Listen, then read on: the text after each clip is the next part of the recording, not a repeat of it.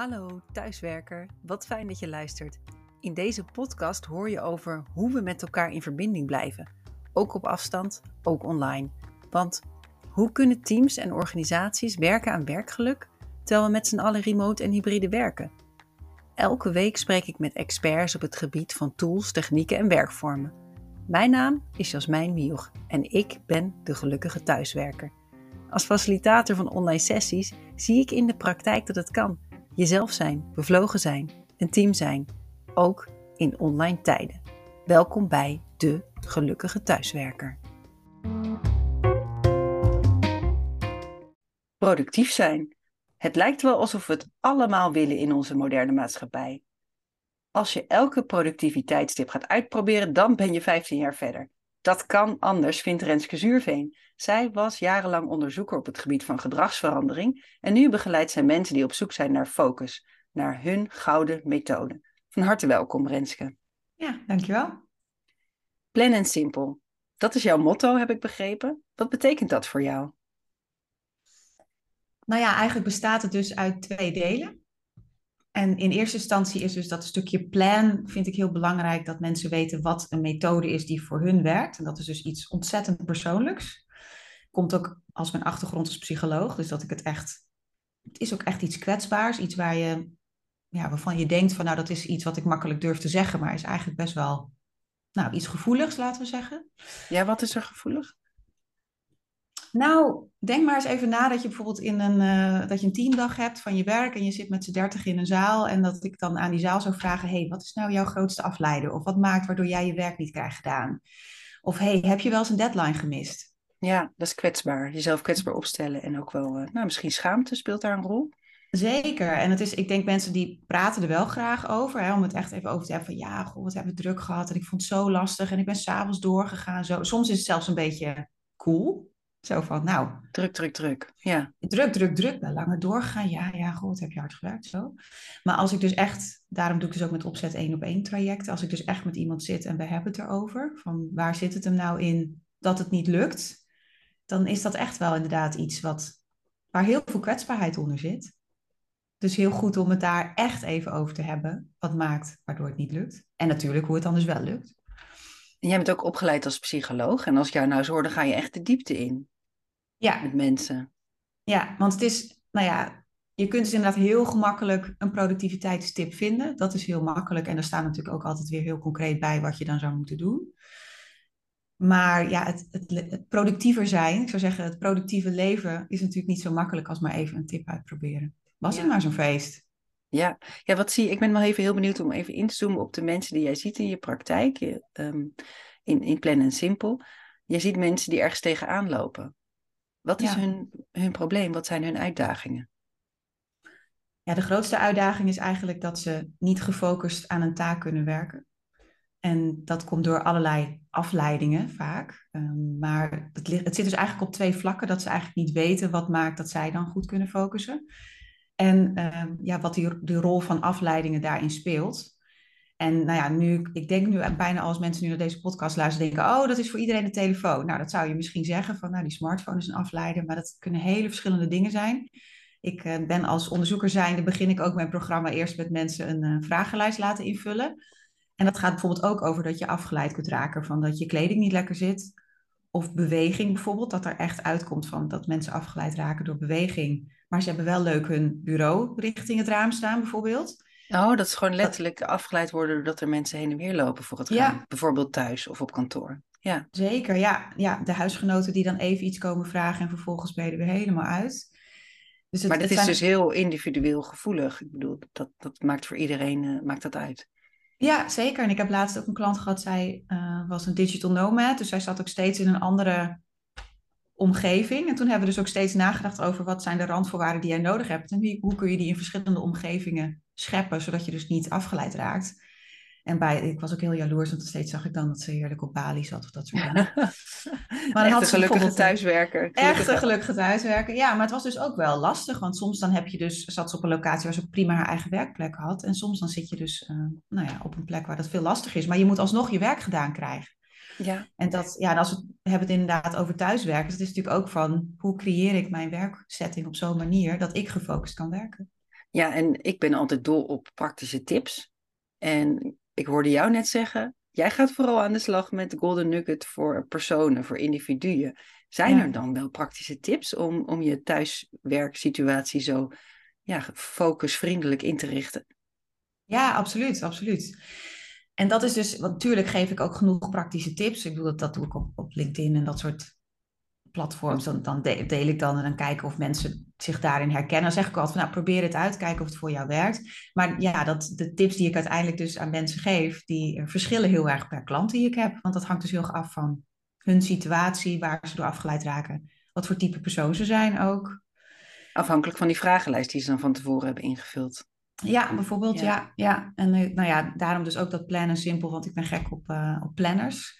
In de zin van, nou ja, heel vaak, hè, je kijkt een TED-talk of je ziet inderdaad een tip, eh, maar is het niet echt uitgewerkt in hoe kan ik daar nou dagelijks mee bezig zijn? Dus die planner is ook een visual cue, om dan toch maar even met een praktische tip te beginnen. Visual cues zijn ontzettend belangrijk. En doordat die planner dus dan op hun bureau ligt, dan is het ook weer die hou vast, die stok achter de deur om bezig te gaan met het creëren van die gewoonte voor gefocust werken. Dat is eigenlijk altijd wat ik doe.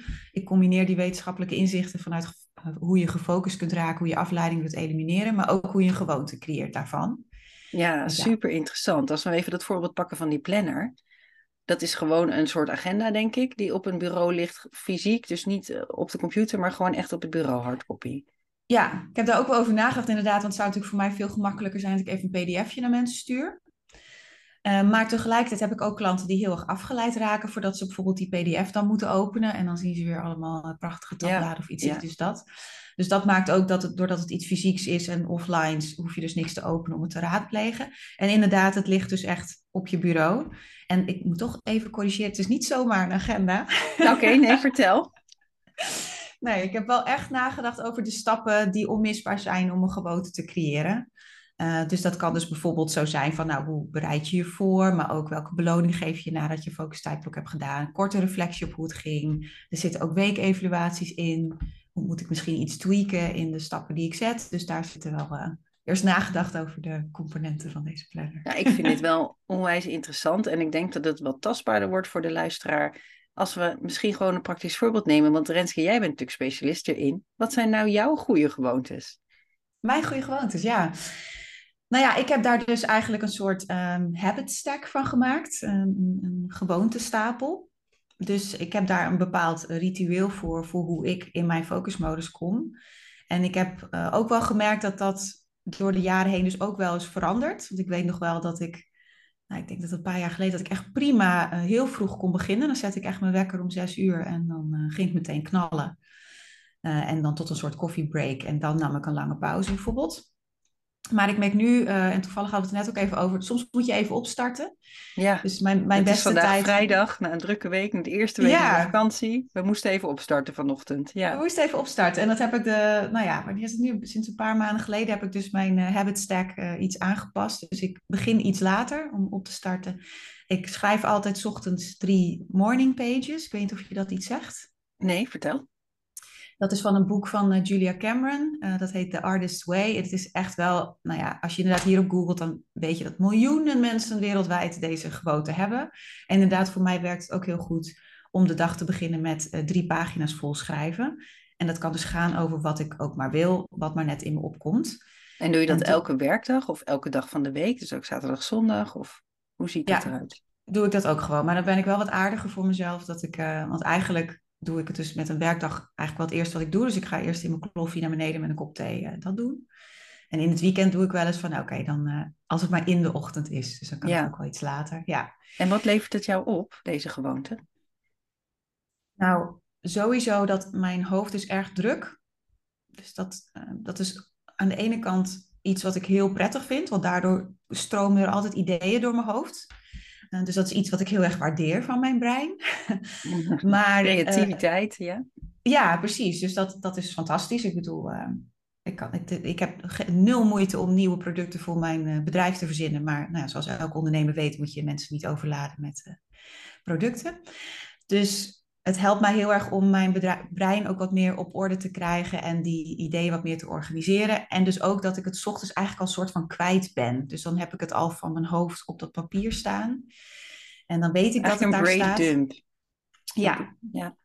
Maar ik vind het ook wel mooi van, eh, want Elizabeth Gilbert doet het bijvoorbeeld ook. dat is die auteur van Eat, Pray, Love. Die zegt ook wel vaak van, ik stel mezelf dan ook wel een vraag bij die morning pages. En dat doe ik dus ook wel eens. Dus ik heb vanochtend bijvoorbeeld ook gedacht van, eh, waar wil ik over vertellen in de podcast vandaag, als ik bij Ja. Jasmijn ben. Dus dat, en dan, dan ratel ik daarover. Dus het is maar net of iets wat in me opkomt. En ik kan dan ook tussendoor opeens denken van, want ik bedacht me nu van, oh ja, ik moet nog een kaartje naar iemand sturen. Zet ik er even een sterretje voor. Hè, dus dan blijf ik wel in mijn verhaal zitten van, En alle ik- gekke gedachten die tussendoor komen, die je focus verbreken, die schrijf Ja. je op, zodat je ze even kwijt bent. Ja. ja, ja. En dat Nou is, daar is mijn, ook een... Ja, ga door. Nou, er is ook, misschien kennen luisteraars dat ook wel, maar daar heb je dus ook een appje voor eh BrainTos, die ik dan niet 's ochtends gebruik, maar gedurende de dag. Als er dan toch nog opeens zo'n, in het moment zelf denk ik dan dat het een briljant idee is, maar dat is het niet natuurlijk. Eh, die zit dan op mijn horloge, dus dan kan ik hem ook heel makkelijk inspreken. Dus Oh, oh, kijk. Echt audio, ja, heel mooi. Het zijn echt mooie middelen. Ja, jij vertelde net natuurlijk aan ons, aan mij, aan de luisteraars, dat jij vanochtend hebt opgeschreven waar je het over wilde hebben, deze podcast. ja. En wat kwam daar toen uit? Wat is jouw kernboodschap? Ja, ik denk dat het toch mijn kernboodschap echt is dat, ehm, dat het heel belangrijk is dat jij jouw methode vindt. En dat, want kijk, social media is, is iets fantastisch. Je kunt ontzettend geïnspireerd raken door social media, door wat andere mensen doen. Alleen het gevaar daarin schuilt dus ook dat je iemand ziet die zegt, nou, ik heb nu de methode gevonden om productiever te werken. Dit is het. Nou, en dan ga jij het proberen en dan werkt het niet. Ja, omdat jij niet die persoon bent. Jij bent die persoon niet, jij bent uniek. eh, jij raakt door andere dingen afgeleid, andere factoren waardoor jij kunt focussen.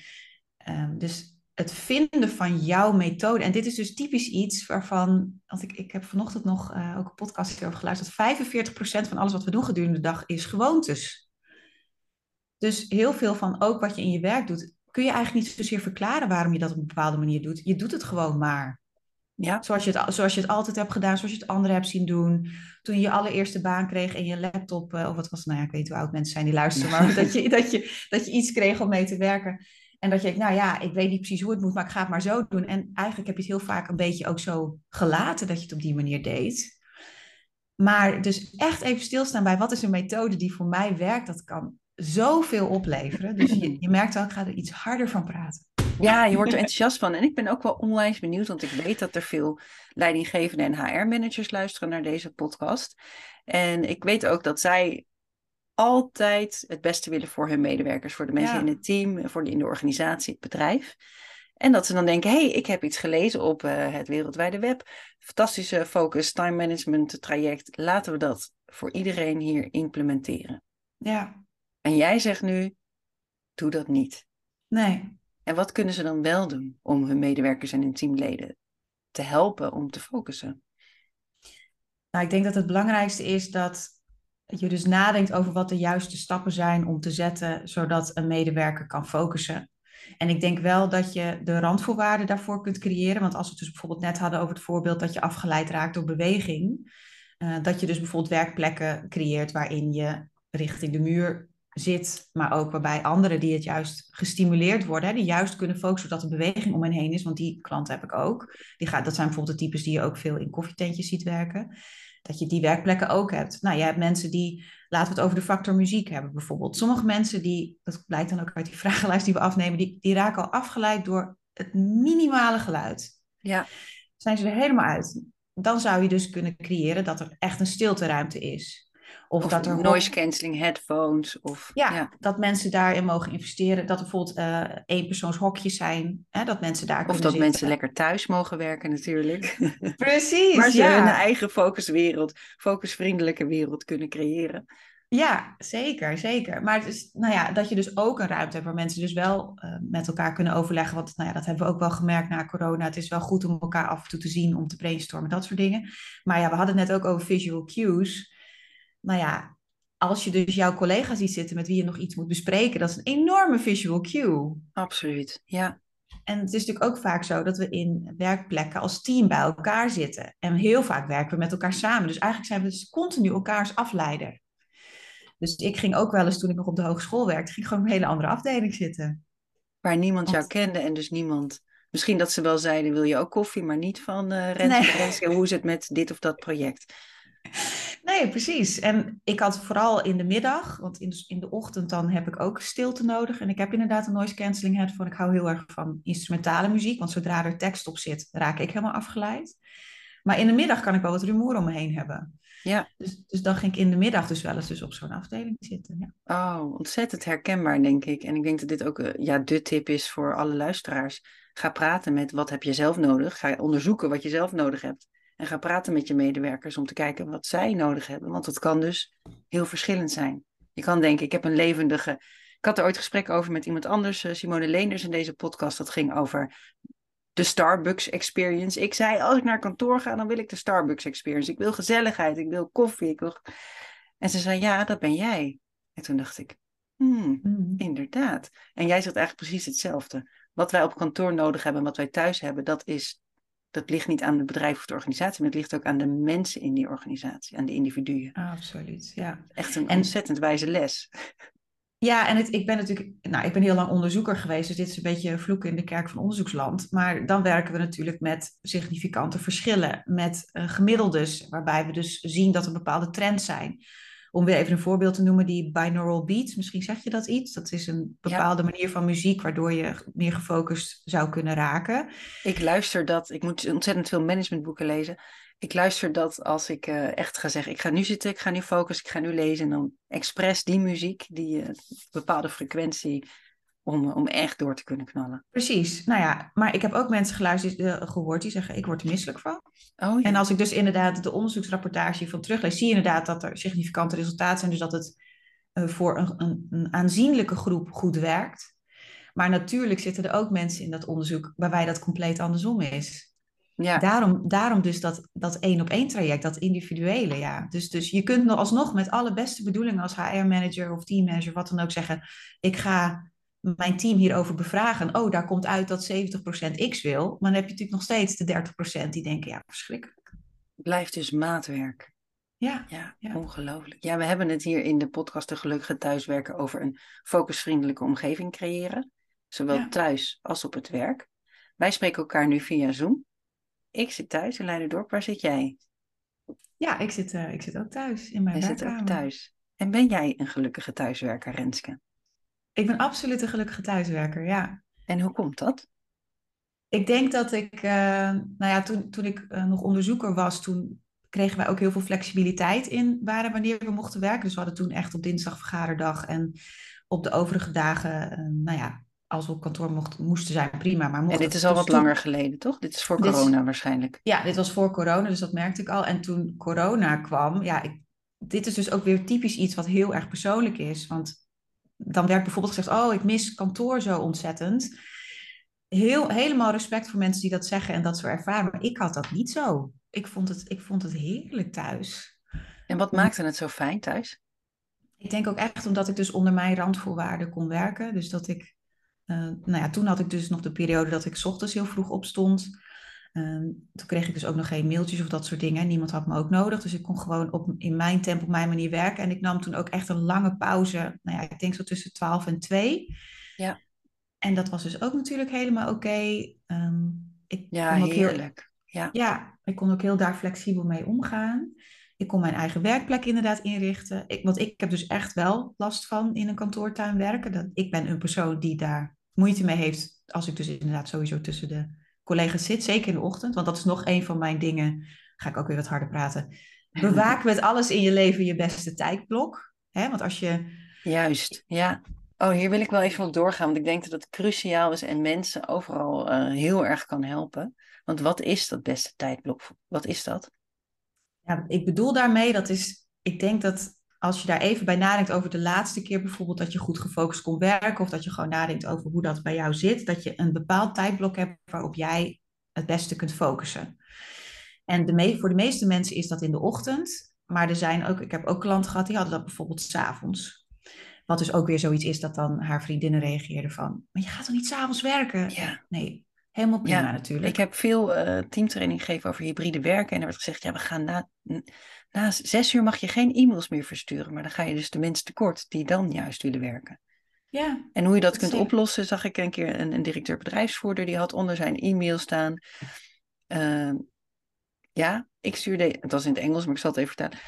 Ik, hij zei, ja, ik stuur je dit, deze e-mail op dit tijdstip, maar ik verwacht niet dat je op dit tijdstip terugmailt. Nee. En dat vond ik zo mooi. Dat was echt een heel mooi symbool voor een leidinggevende.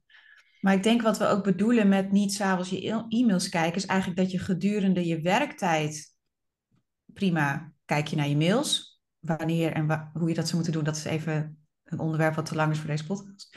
maar uh, dat als jij dus besloten hebt van nou, als ik acht uur op een dag maak, dit zijn mijn acht uur. Dat kan dus ook wat mij betreft prima zijn van zes uur s ochtends tot tien uur en uh, s ochtends en s'avonds nog een tijdblok. En dat je daarbuiten dus niet op je mails kijkt. En dan zie ik dus ook niet de mail van mijn leidinggevende, die misschien super gefocust nou ja, de, was. De gast van vorige week, Sophie Looijenstein, zij is echt een groot voorvechter van stilte en rust inbouwen in je werktijden. Dus elke om de zes weken heeft zij een week uh, echt rust, retraite. Maar ook gedurende haar normale werkweek zegt zij: Ik ben maandag, dinsdag, donderdag zijn mijn e-mail computerdagen. Hm. Dan kun je me bereiken. Hou er ook rekening mee als je mij een bericht stuurt via e-mail of, stuur me, of bel me anders. En dat vond ik zo sterk. Ik ben maandag, dinsdag, donderdag bereikbaar. Stuur je op een andere dag, kan je er rekening mee houden dat je me niet kunt bereiken. En ik denk, wow, dat is echt krachtig. Want ik heb zelf ook wel de neiging, zeker nu ik ondernemer ben, dat ik denk, oh, in mijn kerstvakantie toch even mijn e-mail kijken of er niet super interessant binnenkomt. Maar ja, je kunt ook duidelijk zijn en afspraken maken. Ja, en e-mail is ook nooit bedoeld geweest als synchrone communicatie. Dus het is prima als je inderdaad, zeker ook binnen een organisatie kun je een afspraak maken van we antwoorden altijd voor binnen 48 uur of 72 uur. Uh, dus dat mag ook in uur 47 zijn, het hoeft niet in uur 2. Ja, en jij begeleidt alleen mensen één op één. En de volgende stap is dan denk ik, hoe maak je afspraken binnen dat team over hoe, hoe snel je e-mail reageert of hoeveel je bij elkaar bent voor de gezelligheid en de verbondenheid. Ja, en ik denk ook zeker dat um, je kunt dus, doordat je je randvoorwaarden weet, kun je dus ook die creëren. Dus ik had bijvoorbeeld een klant die uh, zei, ik vind het gewoon lastig om tegen mijn collega's te zeggen dat ze me niet mogen storen. Uh, dus toen hebben we nagedacht over een leuke tekst op een gewoon een A4'tje wat dus op de deur plakte, wat iets is geworden als uh, fijne collega. Natuurlijk wil ik je helpen met je vraag, maar dit is mijn focustijdblok. Ja. Dus als het niet heel dringend is, zou nou ja, zoiets. En dat mensen dus... dat dan ook weten en je dus dan ook niet meer gaan benaderen op dat tijdstip. Precies. Een andere tip, ik heb zelf ooit één time management cursus gedaan. Daar was, er kwam de tip één op één lijst uit. Die vond ik wel heel erg fijn. Hou je een lijst bij met dingen die je aan mensen. Stel je voor, je hebt uh, acht collega's. Dan schrijf je gewoon de naam van die collega's op. Elke keer als je denkt, ik ga iets vragen aan Marjan, schrijf je dat op. En dan één keer in de dag, op de dag of één keer in de week, afhankelijk van hoeveel belangrijk het is, ga je gewoon naar Marjan toe en zeg je: Ik had nog deze vijf dingetjes. In plaats van elke keer op die deur kloppen of de telefoon pakken of de Teams aanzetten. Ja, absoluut. Maar dit is, dit is weer zo'n voorbeeld van een tip die voor mij zou werken. Zou dit dan voor iedereen kunnen werken? Nou, het is dus wat, wat daar het grote voordeel van is, is dat je dus die, um, die afleiding bij de ander dus inderdaad dus opvangt door te zeggen, ik ga nu een soort impuls tegenhouden om diegene meteen aan te spreken en het op te schrijven. Dus ik denk dat dat zeker voor veel mensen kan werken. Er zijn ook bepaalde teams die zeggen, ja, ik moet gewoon heel vaak direct antwoord op mijn vraag hebben. Dat is gewoon de aard van ons werk. Ja. dan is het natuurlijk lastiger om te zeggen, ik reserveer dat. En er zijn ook mensen die zeggen, ja, wij zijn zo'n vergadercultuur. Nu is iedereen bila's aan het inplannen, omdat ze die bespreekpuntenlijst zo, uh, hè, dat ze daar dus een wekelijks moment voor hebben. Dus dat zijn misschien bepaalde situaties waarin het minder goed werkt. Maar deze tip heb ik ook inderdaad wel vaak gegeven. Ja, het is in ieder geval zonde om dus ook rekening houden met de ander. Dat je diegene met jouw vraag uh, tussen aanhalingstekens lastig valt. Want je hebt geen idee in welke modus diegene zit. Ja, nu we, nu we het toch over de hele praktische tips hebben, die voor sommigen wel en anderen niet werken. Ik zag op LinkedIn uh, van de week een hele leuke post van jou over de Golden Nugget. Dus vind je eigen gouden, gouden manier van focus vinden. En er staat een aantal hele mooie regels in. Of ja, de 80-20 regel noem ik even, die ik daar zag. Wil je daar misschien iets meer over vertellen? Ja, 80-20 regel wil eigenlijk zeggen dat je dus nadenkt over ja, ik, ik formuleer dat dan, dan als nadenken over wat zijn de belangrijkste doelen die ik wil bereiken. En welke 20%, als ik dus naar mijn takenlijst zou kijken, welke 20% van de taken brengen mij ehm, het dichtst bij dat doel? En dan merk je eigenlijk, want dat, ik maak ook wel eens dan het verschil tussen actief en productief. Want je kunt in principe de hele dag door heel actief zijn. dus mensen kunnen zich heel productief voelen door de hele dag door e-mails te beantwoorden en vragen van collega's te beantwoorden. Maar dat is meer in de categorie actief dan productief. Want productief versta ik onder dat je werkt aan de juiste taken, aan de taken die er toe doen. De, de kern van je werk, dat zijn de taken waar je je tijd aan zou moeten besteden. En die zou je dus dan in die goede focusblokmomenten die voor jou passen, bijvoorbeeld in de ochtend, ja. moeten plannen, zonder afleiding. Ik vind het echt complete kapitaalvernietiging als jij tijdens je beste tijdblok e-mails gaat beantwoorden. Kijk, met een uitzondering daar gelaten dat sommige e-mails echt focus nodig hebben om te beantwoorden, want heel moeilijk onderwerp, zoiets. Nou, Renske, dit vind ik echt een geweldige zin. ga ik even herhalen. Het is, kapit het is wat is het? Kapitaalvernietiging. Ja, als je tijdens je beste tijdsblok e-mails gaat beantwoorden.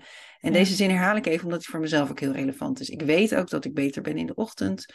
Bij mij is dat, uh, nou ja, als de kinderen zo op school zitten, dan kan ik om negen uur, dan kan ik van negen tot elf, is echt fantastisch. Het is maar twee uur, maar dan... En soms ga ik dan inderdaad LinkedIn doen. Dan denk ik, ja, dat kan ook op een ander moment, Jasmijn. Ja, want dat is, wat die taken moeten nog steeds gedaan worden, tuurlijk. Alleen, uh, want ik gaf ook een workshop van de week, toen, uh, toen hebben we het gehad over je takenlijst indelen in twee lijsten. De focus tijdblok, de 20% lijst dus eigenlijk. En de taken die wel gedaan moeten worden, maar die dus prima kunnen in je minder goede tijdblok. Nou, voor mij is dat de middag. Dan kan ik prima een beetje inderdaad uh, mails beantwoorden, korte vragen beantwoorden. Ja, wat van die klusjes die, waar je niet echt je, de volle capaciteit van je brein voor nodig hebt. Nou, hetzelfde geldt een beetje voor brainstormen. Ik plan dat ook altijd in de middag. Want dan uh, ben ik een beetje opgeladen, heb ik er ook ruimte voor mijn hoofd. En ik krijg er energie van. En dat is natuurlijk weer iets heel persoonlijks. Ik krijg energie van brainstormen. Dus vind ik dat lekker om bijvoorbeeld van drie tot vijf te doen. Ja, absoluut. En het is inderdaad, als je het hebt over uh, dingen doen die je energie geven. En dan mensen kunnen zich bijvoorbeeld ook heel schuldig voelen over dat ze met de lunch een half uur gaan wandelen of nou ja, zoiets. Terwijl ik dan denk van ja, nee, dat is complete investering in het middagtijdblok. Ja, absoluut. Zodat je, zodat je dan weer meer kunt doen. Ja, ja heel mooi Renske. Ik vind het heel interessant dat jij vanuit die onderzoekshoek deze kant op bent gegaan. Wat merk je daar nog zelf terug van in je dagelijks werk? Dat je, dat je van huis uit wetenschapper bent? Ja, ik vind het gewoon mateloos interessant om daar helemaal in te duiken. Dus ja, met, voordat ik dus... Tuurlijk heb ik mijn eigen intuïtie en gevoelens over wat gedragsverandering inhoudt en uh, hoe ik dus mijn klanten het beste kan helpen. Ehm, maar dat wat uit onderzoek blijkt, kan mij natuurlijk wel heel erg helpen om dus die golden nuggets aan mijn klanten te geven. Dus door hun verhaal te horen en echt helemaal in te duiken, de manier waarop ze nu werken, wat daar fout gaat, wat daar goed in gaat, kan ik met alles wat ik als nerd uh, doe, met verdiepen in al dat onderzoek, kan ik denken, oh ja, deze tip is denk ik eentje die uh, zeer grote kans heeft dat het voor jou gaat werken. Ja, zowel in de praktijk als in, in de wetenschap of in het onderzoek uh, bewezen effectief. Ja, want het is, het is natuurlijk, uh, want ik las ook gisteren nog een wetenschappelijk onderzoek naar uh, dat studenten bijvoorbeeld heel slecht zijn in de methode kiezen die het beste werkt. Dus studenten denken heel vaak dat als ik iets steeds opnieuw lees, dat is een goede manier van studeren. Maar die haalden de slechtste cijfers. Uh, dus dat soort dingen, dat, dat triggert mij heel erg van ja, we weten dus ook heel vaak niet wat de beste methode voor ons is. Hè, we doen dus wederom weer wat anderen doen. We doen enorm dus ook... best. We steken veel energie ja. en tijd in, maar het heeft niet het gewenste effect. Nee, en dat kan anders is jouw Dat kan anders, ja. Ja, ja, ja, En als je dus daar kennis over hebt, ja, dat werkt, ja. Nou, over kennis gesproken, is ook een vaste rubriek hier in deze podcast. Dat is, heb je nog boekentips? En kennis kan je natuurlijk uit de praktijk halen, uit het internet, maar ook uit boeken. En ik weet dat jij wat tips voor ons hebt meegenomen.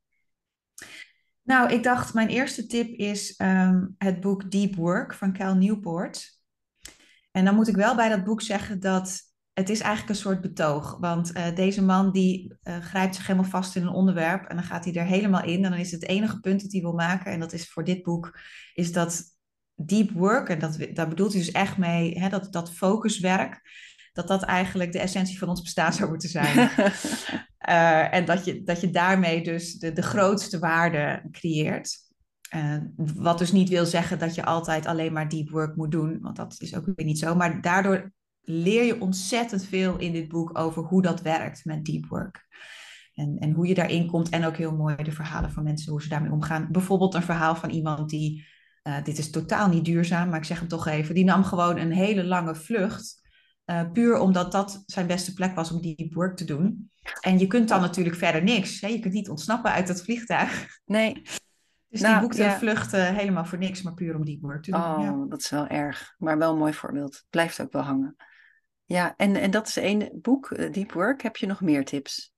Ik denk dat Atomic Habits van James Clear ook zeker een tip is, uh, omdat hij eigenlijk ingaat op de vier uh, laws. Dus vier, en ik, ik, heb ook recht gestudeerd, dus ik, ik, haak daar ook altijd heel goed op aan. Uh, die helpen bij het creëren van een gewoonte. Dus nou ja, we nemen deze podcast op in januari. Veel mensen die denken, ik ga bijvoorbeeld een yoga routine, meditatie routine of dat soort dingen. Dan is dat ook een heel toegankelijk boek. Ja, en ik wilde eigenlijk ook nog gewoon een fictietip geven. Want, Mag hoor, zeker. Want ik vind gewoon lezen voor het slapen gaan, vind ik een hele belangrijke voorbereider voordat ik me goed voel de volgende ochtend daarna. En een heel goed boek wat ik heb gelezen heet Wrong Place, Wrong Time van Gillian McAllister. Uh, en dat gaat, en is het een thrillerverhaal over hoe ze de moord uh, probeert te voorkomen die haar zoon gaat plegen. Want ze gaat terug de tijd in. Oh, hoe dat klinkt spannend, ja. Ja, maar tegelijkertijd gaat het dus ook heel erg over uh, bewustzijn van eigenlijk kleine dingen die je in het leven doet. En wat voor effect die hebben in de toekomst. Uh, dus haakt ook wel weer aan bij het onderwerp van vandaag. Ook nog educatief. Ja. Maar je zegt, boekentip, mag het fictie zijn? Jazeker, want ik zelf lees heel vaak ook fictie op mijn werkdag. Want heb ik, gewoon, ik heb meerdere boeken op mijn e-reader staan en dan lees ik, ik ben heel erg fan van uh, allerlei genres, maar onder andere ook het boek Lange afstandswandeling of hardloopwedstrijdverslagen. Vind ik gewoon heel leuk om te lezen. En daar heb ik uh, in een vlucht toevallig uh, de Barkley Marathons, uh, de hele beroemde, hele gekke hardloopwedstrijd, heb ik een boek over gelezen. Die had ik nog niet helemaal uit. En heb ik op maandag, hele drukke werkdag, heb ik gewoon, pak ik gewoon even 20 minuutjes, lees ik even weer een stukje. En dan kan ik weer opgeladen door. Dus... Nou, het is ook, want uh, om toch weer even op focus te hebben, dat is ook gewoon echt een spier die je traint om je dus langere tijd op één ding te concentreren. En wat je gewoon, wat ik nu vaker hoor van mensen, dat ze zeggen, ik, het lukt me niet meer om een boek te lezen. Want ik kan me niet meer zo lang concentreren op één ding. Dus, en dan kan het misschien een grote drempel zijn om dan dus met een non-fictieboek te beginnen. Ja. Dus dan zou ik inderdaad zeggen, lees iets wat je leuk vindt. Iets spannends die spier te training, ja. Ja, dat mensen zeggen, ik kan, ik kan niet meer boek lezen en niet tegelijk afgeleid worden door bijvoorbeeld mijn telefoon. Ja, ja, dat, ja dat, is, dat is natuurlijk echt iets wat ons wel wat is ontnomen de afgelopen jaren. Want soms is een TikTok-video al te lang, zeg maar. Dan raken we afgeleid. Ja. ja, we zijn alweer bijna aan het einde van deze podcast. En ik ben wel heel benieuwd. Het is inderdaad januari. We hebben het over gewoontes gehad, over routines, rituelen. Heb jij zelf nog een goed voornemen voor 2023? Goed voornemen voor 2023. Nou, wat ik dus wel heel erg heb gemerkt, want ik had een, een favoriete yoga-docente, uh, waar ik met heel veel plezier altijd haar yogales heb gedaan, die besloot met een camper door Europa te gaan reizen. Maar ik heb wel besloten om dat yoga toch weer op te pakken. Dus dat is mijn nieuwe gewoonte voor 2023. Renske Zuurveen, heel hartelijk dank voor jouw prachtige woorden en ik wens je heel veel focus en veel plezier. Dankjewel.